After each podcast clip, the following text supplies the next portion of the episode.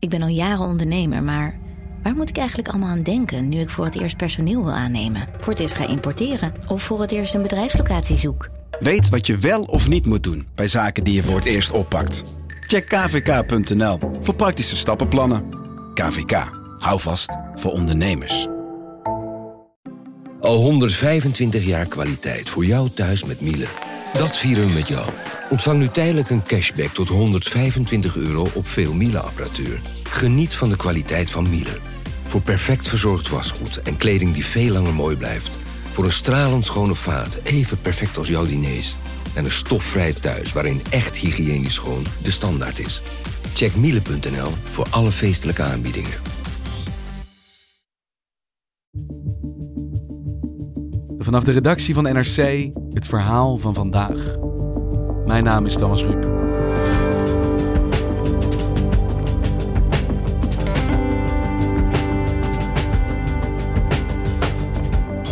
De geplande bouw van twee windmolenparken in Drenthe en Groningen is de afgelopen jaren volledig uit de hand gelopen. Nazi-posters, dreigbrieven, schuurbranden en zelfs het strooien met stukken asbest. De constructie is inmiddels toch begonnen. Dit weekend arriveerde de wieken van de eerste turbine. Onaangekondigd, begeleid door politie.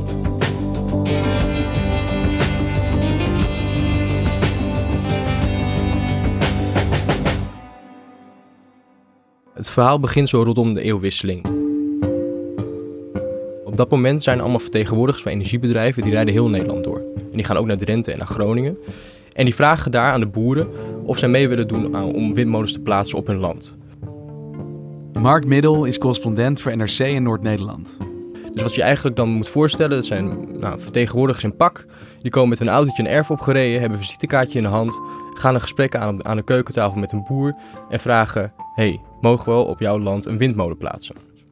Maar wat interessant is aan Drenthe, is dat die boeren dan op een gegeven moment met hun eh, boerenverstand gaan nadenken en denken: hé, hey, maar als een vertegenwoordiger hier op mijn land windmolens kan plaatsen, waarom kunnen we dat zelf dan niet? Want waarom willen die boeren dat zelf gaan doen? Als een energiebedrijf land pacht van een boer om zo'n windmolen te bouwen, dan verdienen ze ongeveer 35.000 euro per windmolen per jaar. Maar als je dat dus zelf exploiteert, dan is het energiebedrijf zit daar niet mee tussen. Dus dan verdien je waarschijnlijk veel meer. In ieder geval, die aanname doe je als je daar begint. Best wel een salaris eigenlijk. Ja, en dat is ook hoe het nu gezien wordt. Die boeren die zien windmolens of windenergie eigenlijk als een nieuw gewas. En op een gegeven moment hebben ze een hele grote groep van tientallen boeren hebben ze in Drenthe eh, verzameld. Eh, en die hebben een zogenaamd eh, tuinhuisjesoverleg. En daarin praten ze met elkaar over het exploiteren van een eigen windmolenpark. Ehm, zodat iedereen er van in de regio van kan profiteren. En dat is best wel bijzonder, want normaal is het zo in Nederland dat een windmolenpark gebouwd wordt. Ehm, dat land wordt gepacht van boeren. Een grote energiebedrijf zet daar een paar windmolens neer. En de boer die profiteert ervan, die krijgt er wat geld. En that's it. Maar deze windboer die dacht, ja, we gaan het anders doen. We gaan er gewoon voor zorgen dat die regio nou ja, een, een economische impuls krijgt. Ehm, totdat ze dus met die plannen naar buiten komen. En dan blijkt dat de regio er eigenlijk helemaal niet zo op zit te wachten.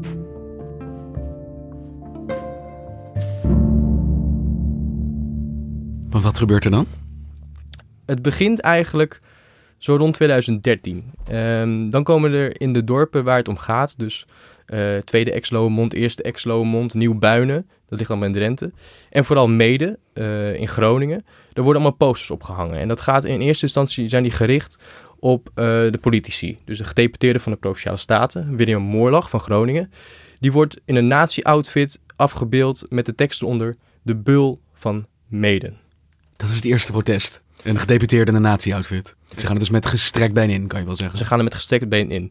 Eh, een jaar later eh, wordt er, worden er stinkbommen geplaatst in de auto, ook van diezelfde gedeputeerde. Dat, die worden binnengegooid. Die, die wordt in, ja, ik weet niet hoe ze dat hebben gedaan, maar die is in de, in de auto geplaatst van eh, die gedeputeerde en ook in het provinciehuis. En volgens mij moest er ook het tapijt op een gegeven moment weer vernieuwd worden, omdat het zo erg stonk. Ehm, maar goed, dat, dat valt op zich, als je er nu naar terugkijkt, valt dat nog wel mee. 2015, en dan komen de eerste dreigbrieven. En dat begint met de uitbaters van eh, horeca in die buurt, waar op dat moment eh informatiemarkten zouden gehouden worden. Ik kan wel een, quote voorlezen. Wij van Storm Mede en Stichting Platform Tegenwind N33, dat zijn dus de twee actiegroepen die tegen uh, de windparken zijn, geven middels deze brief de waarschuwing af dat wij onze achterban niet meer in de hand kunnen houden en er mogelijkerwijs ernstige incidenten kunnen gaan plaatsvinden voor of tijdens deze informatiemarkten. En dit is niet de enige brief die er komt, want in de loop der jaren komen er steeds meer dreigbrieven. Alleen niemand weet wie daar allemaal achter zitten. Maar de consequenties zijn wel enorm op een gegeven moment. Ja, want hebben die effect, die dreigementen? Ze hebben effect. Een ondernemer uit Nieuwbuinen is gestopt met zijn werkzaamheden voor het windpark in de Veenkoloniën nadat hij een dreigbrief had ontvangen. Het is Ben Timmermans van een wegenbouwbedrijf Avitec. Die komt ook uit de regio. Ja, een ondernemer aan wie de brief is gestuurd wil niet meer eh, in de media reageren. Wel heeft hij de dreigbrief openbaar gemaakt. Kijkt u maar even mee. Dit is wat erin staat. Dat wat u in 20 jaar heeft opgebouwd, gaan wij zorgvuldig afbreken. En daar nemen wij alle tijd voor. Als u uw onderneming voort wilt zetten, dan stopt u de werkzaamheden voor windboeren en dat binnen één week en maakt dit bekend middels een persverklaring. Zo niet, dan is uw onderneming niet meer levensvatbaar. En hij zegt eigenlijk, kijk, stop ermee, want ik vrees aanslagen op mijn bedrijf en mijn familieleden. Hij zegt, dit is niet waard, deze klus. Dit is het niet waard. Want hoe breed gedragen is dit protest daar in de buurt? Nou, dat is eigenlijk heel erg onduidelijk. Um, wat we weten zijn dat er verschillende protestgroepen zijn, ongeveer vier. Die zijn fel gekant. En daarbij zijn waarschijnlijk tientallen mensen bij betrokken. Maar dat weten we niet, want dat is, er zijn geen lijsten van, er zijn geen cijfers van, dat is niet openbaar. Maar als je in die regio bent, en ik ben vaker in die regio geweest en je spreekt met de mensen bij de supermarkt, dan merk je ook dat er heel veel mensen zijn ook wel tegen, maar vinden het ook weer niet zo erg. En um, willen gewoon een goede compensatie ervoor. Of willen eigenlijk zijn boos om andere redenen. En er zijn ook heel veel voorstanders, maar die durven zich helemaal niet meer uit te spreken. Dus als je daar bent en je probeert met mensen over te praten, dan willen ze sowieso niet met hun naam in de krant. En eigenlijk willen ze er ook liefst zo min mogelijk over spreken. Want begrijp jij wat deze mensen tegen die windmolens hebben? Waarom is dit zo'n groot ding voor ze? Je moet je allereerst voorstellen dat het een heel rustig gebied is. Dat wordt natuurlijk in één keer heel anders als daar tientallen windmolens geplaatst worden. En heel veel mensen die spreken daar ook van horizonvervuiling. Dat is één ding waar mensen heel erg tegen zijn. Ja, simpel gezegd, het is gewoon lelijk. Je had een mooie glooiende horizon en nu staan er enorme turbines. Ja. Um, en daarnaast heb je nog veel meer argumenten. Want dat zijn natuurlijk windmolens die, die, die, in Drenthe komen te staan in 210 meter, 5. Dat is enorm hoog. Dus in de winter staat de zon heel laag en dan gaan die wieken wel heen en weer. En dan krijg je, wat dat, hoe het dan heet, slagschaduw. Dus dat betekent dat je om de zoveel seconden een schaduw door je huis gaat. Een soort zonnestrabelscoop in je woonkamer. Ja, precies. En in principe zijn er wettelijke regels voor. Dus dat mag dan een x aantal uur per jaar duren en dan worden die windmolens uitgezet.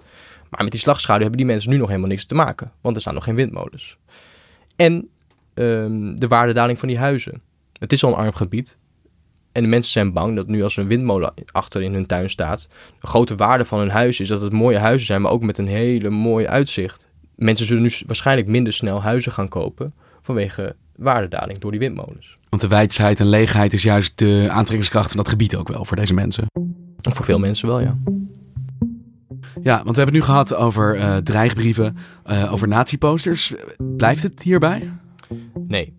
Dit is wat meerdere boeren in en rondom Mede de afgelopen dagen op hun land hebben gevonden. In de velden van die boeren worden op een gegeven moment ook conservenblikken gevonden met beton erin en stalen kabels, stalen draden. De meeste boeren zijn druk aan het oogsten. Als zo'n ding in de machine komt, is de schade niet te overzien. En dat gebeurt ook. Er zijn twee combines, die lopen ook inderdaad schade op. Dit is crimineel. Dit is tuig. De boer legt de schuld bij Storm Meden, een actiegroep die al jaren protesteert tegen de windmolens. En dan ook nog zo laf zijn om de aanslagen, want ik noem het gewoon aanslagen, om het niet op te eisen. Al maar blijven ontkennen van we hebben het niet gedaan, we hebben het niet gedaan, ja ja. Zo lust ik er nog wel een paar. En er worden op een gegeven moment in die weilanden ook uh, staaldraden gevonden die gewoon gespannen zijn. Er zijn veldschuren in de fik gestoken. Het erven van een van de initiatiefnemers is met leuzen beklad. En op een gegeven moment wordt de asbest gestrooid. Er wordt asbest gestrooid? Ja. Op een gegeven moment, s ochtends, komt er een melding binnen dat er asbest is gevonden rond de locatie van een stikstofcentrale in Zuidbroek. En dan moet je dus voorstellen dat verspreid over een, volgens mij, volgens mij een kilometer land in de berm heb je gewoon platen asbest. Met daarbij kleine posters. Wie wind zaait, zal asbest oogsten. En dat is in december van vorig jaar.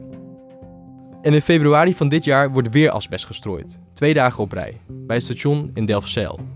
Om de bouwketen van het bedrijf Hoornstra. Dat ook machines levert voor de bouw van het windpark in Drenthe. Weet je, Mark, uh, ik, ik kan me heel goed voorstellen dat je een huis koopt uh, met, met prachtig wijdse uitzicht. En dat je als een stekker baalt als je hoort dat daar uh, windturbines gebouwd gaan worden. Ik snap ook dat je in protest komt. Ik snap ook dat je gaat proberen om dat te voorkomen. Maar tot op zekere hoogte asbest strooien, een, een uh, bewust een kankerverwekkende stof in een veld leggen, dat bezielt iemand om dat te doen. Dat weet ik niet. Ik denk dat niemand naast de mensen die het hebben gedaan dat weten. Het gaat maar, heel ver, dit. Zeker, maar er gaan natuurlijk wel wat dingen aan vooraf. En wat je heel goed van het gebied moet weten, is dat het een arm gebied is, dat eigenlijk al eeuwenlang uitgebuit wordt. En dat begon met het turf dat daar gewonnen werd uit de grond. Het is een gebied waar ook gas gewonnen wordt, in ieder geval daar in Groningen. Het is een gebied waar zout gewonnen wordt. Uh, het is een gebied waar jarenlang strookkarton werd gemaakt. Die industrie is verdwenen. Dus die mensen hebben heel erg het gevoel van... we worden hier al jaren, wordt hier alles uit de grond gehaald... en nu gaan ze bovengronds ook nog eens een keer ons uitbuiten. Dat sentiment heerst daar een beetje. Wij meenden dat de feodale houdingen die wij van vroeger uit het gebied kennen... dat die verdwenen waren, maar nu de windturbines eh, de geldzucht van de windboeren hebben aangewakkerd... blijkt dat de herenboeren van vroeger de windboeren van nu zijn. Een van die mensen die altijd al in die veenkoloniën heeft gewoond en daar geboren is, is Jan. En Jan is woordvoerder van Platform Storm, een van de actiegroepen tegen de komst van de windmolenpark in Drenthe. Ik sprak gisteravond nog iemand die zegt... wij werden vroeger een windgewest genoemd, dat zijn we nu weer en nog steeds.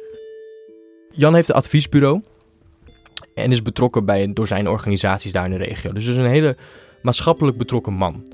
Altijd in pak, altijd een stropdas om. En hij heeft in de afgelopen jaren, denk ik, alle media in Nederland wel gesproken. En jij hebt hem ook gesproken. En wat zei hij tegen jou? Um, je zult het niet verwachten, maar er zijn mensen hier echt heel erg boos. Zo boos dat ze granaten hebben en bereid zijn die te gaan gebruiken. Er zijn mensen die hebben een handgranaten gekocht. Er zijn mensen die hebben Semtex gekocht. En de mensen die zeggen gewoon ze moeten van de, met de poten van ons gebied afblijven. Want we hebben enig idee wie dat gedaan hebben. Wie daar met asbest hebben lopen strooien. Ja, op woensdag 19 juni schrok de hele regio eigenlijk wakker. Ochtends werden de drie verdachten in die dorpen aangehouden.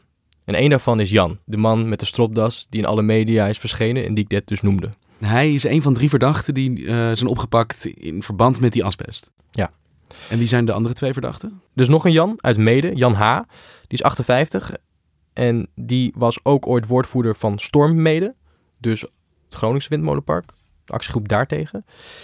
En dan heb je nog Johnny R. En Johnny R. die heeft een uh, kopiebedrijf, printbedrijf. En wat hangt ze boven het hoofd uh, op dit moment? Die beide Jannen worden dus verdacht van het dumpen van asbest. En daar is een apart artikel voor in het wetboek van strafrecht, namelijk 173a. En hen hangt maximaal 12 jaar gevangenisstraf boven het hoofd. En dat het zo hoog vermoed ik omdat asbest gewoon een levensgevaarlijke stof is, letterlijk. Ja, dus een risico voor de gezondheid van omstanders.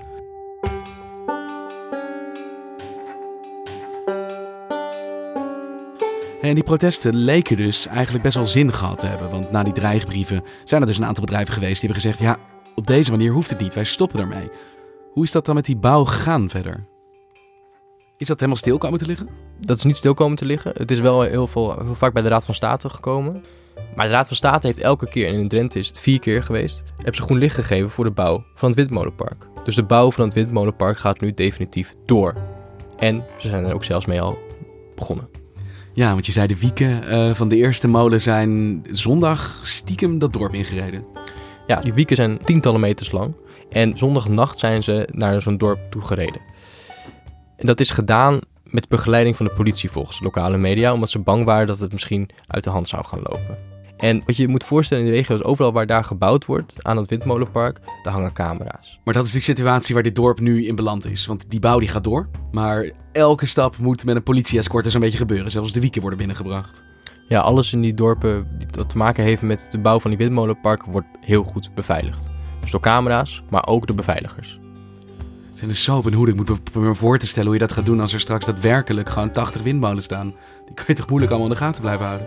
Ja, maar de hoop is nu dat, omdat er nu drie verdachten opgepakt zijn, dat dus ook de angel uit het protest is. Wat denk jij? Als je daar komt? Is dit klaar nu? Geven ze het op? Ik weet het niet. Ik durf daar nog niks over te zeggen. Dankjewel, Mark. Dankjewel.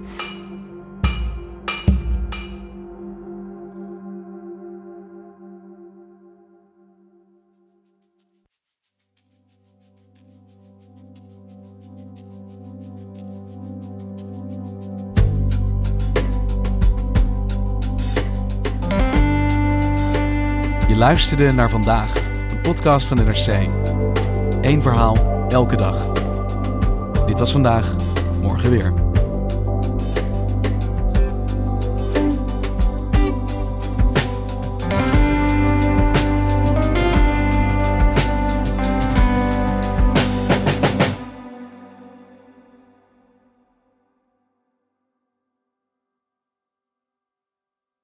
Technologie lijkt tegenwoordig het antwoord op iedere uitdaging.